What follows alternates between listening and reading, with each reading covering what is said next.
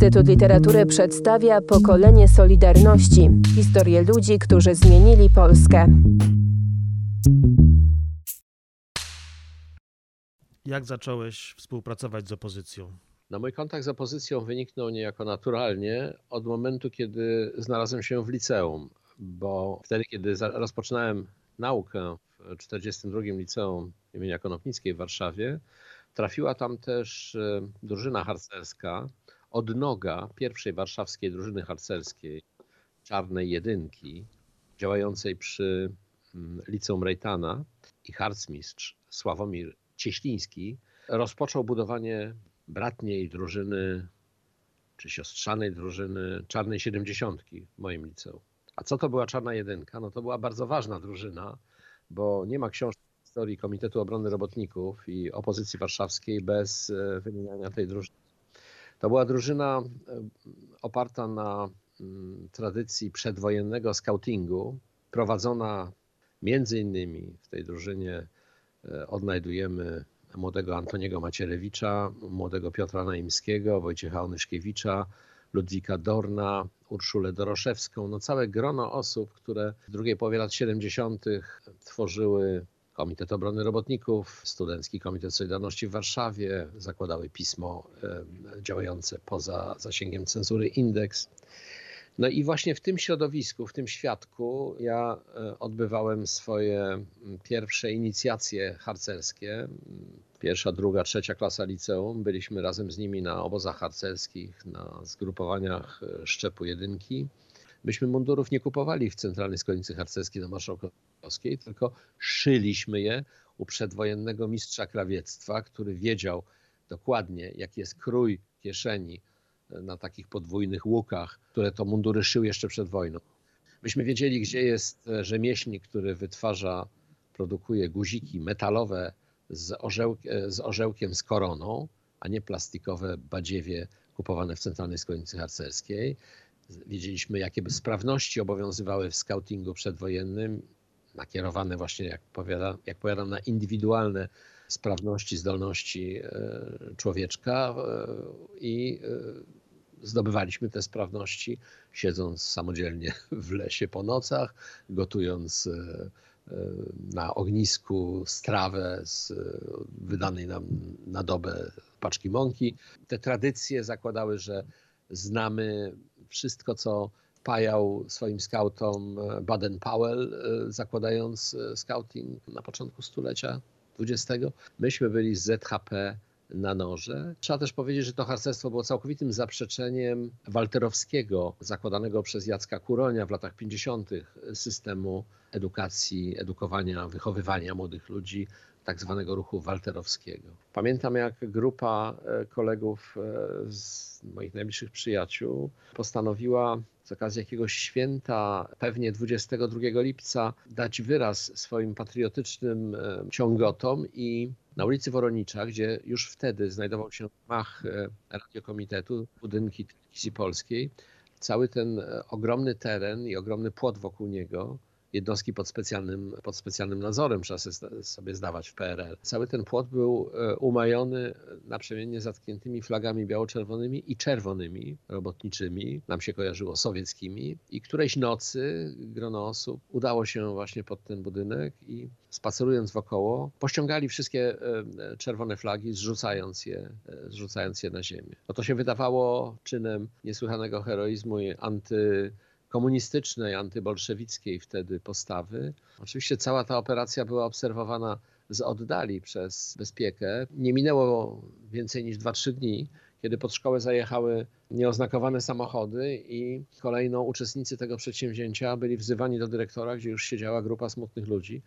No dzisiaj w aktach IPN można przeczytać e, całe raporty na ten temat. Okazuje się, że akcja była błyskawicznie namierzona, obserwowana, ale bano się interweniować, ponieważ nie zdawali sobie sprawy w tym e, zglajszachtowanym, spokojnym PRL-u, gdzie w zasadzie nic się nie działo, no poza takimi wydarzeniami jak dzisiaj z dużej litery pisane miesiące, marzec, grudzień, prawda, czerwiec. I tu niespodziewanie pojawia się jakaś grupa ludzi, która pod osłoną nocy, co prawda, ale jednak zupełnie nie kryjąc się, ściąga te flagi. Oni się po prostu bali interweniować, bo nie wiedzieli, czy to nie jest grupa uzbrojona, terrorystyczna. Nie interweniowali w trakcie, ale inter, interweniowali po. Duże były kłopoty, żeby cała, całe to grono utrzymało się w szkole. Od harcerstwa, jak widać, czynnych działań opozycyjnych była krótka droga, zwłaszcza jak się ma 16-17 lat. A władze, dyrekcja szkoły nie protestowały, nie miały y, problemu z tym, że taka drużyna funkcjonuje w ich szkole?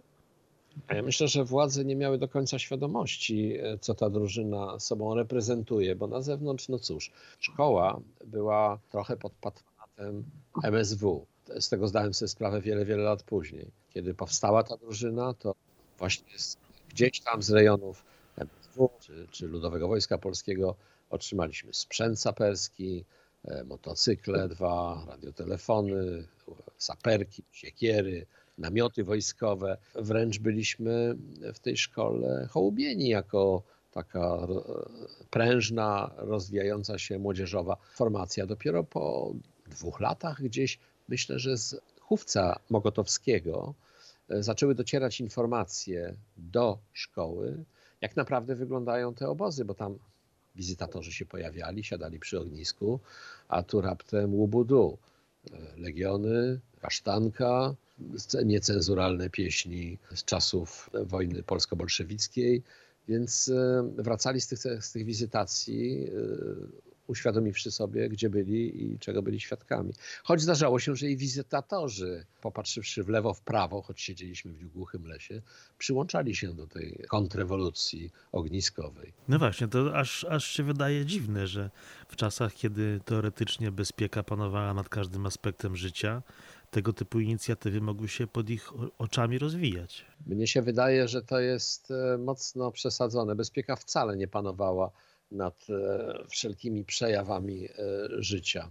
Chciała, żeby tak było, ale tak nie było. Bezpieka była, tak jak cały PRL, bałaganiarska, trochę nieudolna, niepozbierana, nieogarnięta.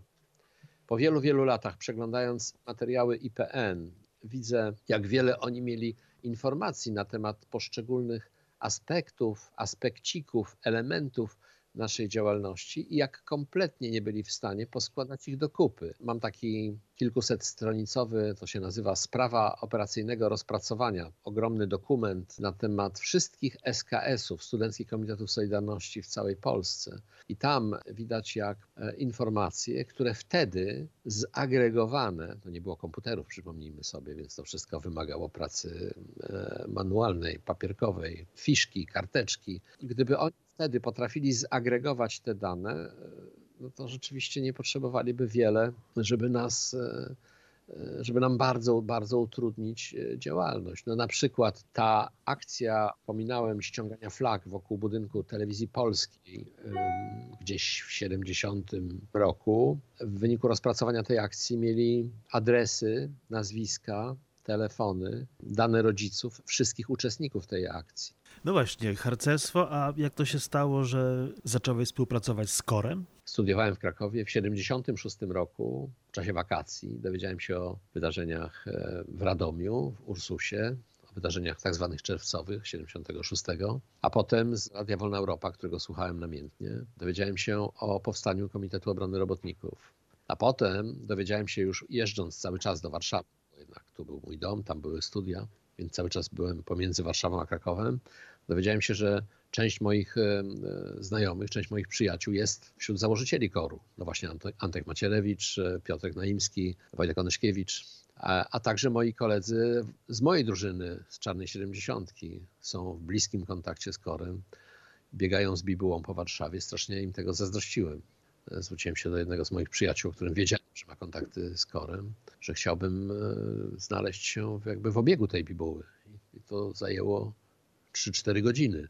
Pamiętam, jak pojechaliśmy pod dom nieznanego mi wtedy Pawła Bąkowskiego, trafiliśmy tam na sytuację godzinę po rewizji, więc natychmiast miałem takie poczucie, że e, bomba rąbnęła gdzieś tuż koło mnie i że jestem już w takim, no, na poligonie, no, że tu już strzelają po prostu.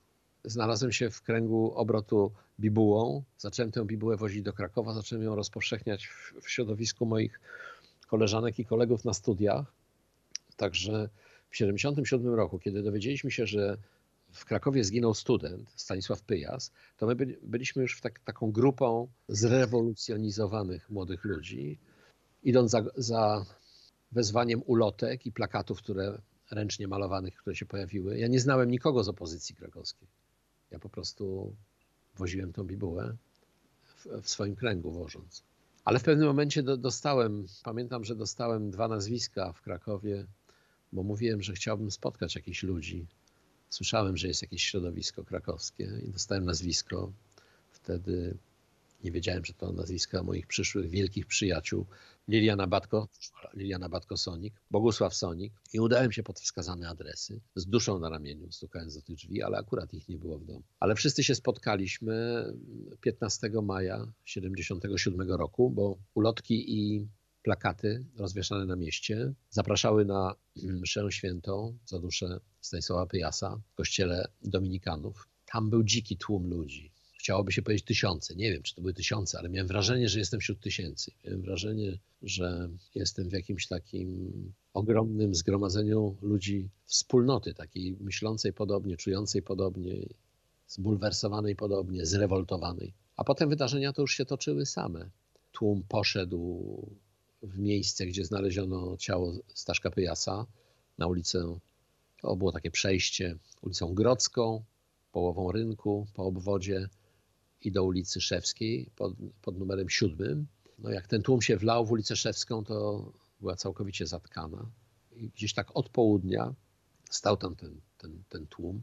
Co róż ktoś odczytywał chyba oświadczenia koru, ale jakieś, jakieś teksty były odczytywane. I tam zapamiętałem charakterystyczną postać Bronka Wilsteina, potem mojego wielkiego przyjaciela. Tam nawiązałem kontakt z Bogusiem Sonikiem, Lilianą Batko, przyszłą jego żoną. Anną Krajewską. Zostałem wysłany po klej na rozlepianie tych, tych ulotek. Czułem się bardzo wyróżniony tak odpowiedzialnym zadaniem. Podpisałem list protestujący przeciw temu, co się stało. Wszystkie te listy znalazły się w rękach Służby Bezpieczeństwa, ale to mi wtedy po głowie nie chodziło. I od pewnego momentu, no prawie od samego początku tej manifestacji, wzywano wszystkich na zgromadzenie się wspólnie, chyba o 19 czy o 20 wieczorem, w tym samym miejscu i że się odbędzie marsz protestu. Rzeczywiście spotkał się nieziemski tłum ludzi. A trzeba powiedzieć, że wszystko to się działo, to jest ważne, w czasie juwenaliów. W tym czasie normalnie Kraków był w rękach studentów i Kraków był co roku w maju świętem radości i świętem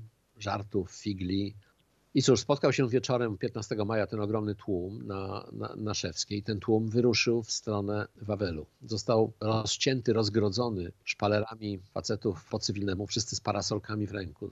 To, sprawiało takie groźne wrażenie. Część tego tłumu poszła w kierunku rynek e, Starego Miasta, e, Grodzka, prosto do Wawelu, a część odcięta zawróciła i poszła dookoła plantami krakowskimi w kierunku no również, również Wawelu, ale właśnie przez, pla, przez plant. Niesamowite było to, że kiedy ten pochód, którym ja szedłem, ale zdaje się też ten drugi, przesuwały się, to szliśmy w takim szpalerze, szliśmy potężnym tłumem, trzeba powiedzieć, ale szliśmy w szpalerze cywilów ściągniętych prawdopodobnie ORMO, były wtedy takie jednostki Ochotnicza Rezerwa Milicji Obywatelskiej, gotowi pałować e, kogo, kogo im wskażą, że, że należy go pałować, ale nie pałowali. Nas było za dużo i oni zachowywali taką groźną, groźno, groźna obecność, ale zachowywali powściągliwość. I w miarę jak się posuwał ten, ten tłum, gasły światła. To było niesamowite, bo już był zmierzch, światła latarni miejskich były wygaszane w miarę postępu tego tłumu. Tłum doszedł pod Wawel, tam się połączyły te dwa pochody, została odczytana deklaracja założycielska Studenckiego Komitetu Solidarności. Pokolenie Solidarności. Cykl podcastów przygotowanych przez Instytut Literatury w Krakowie.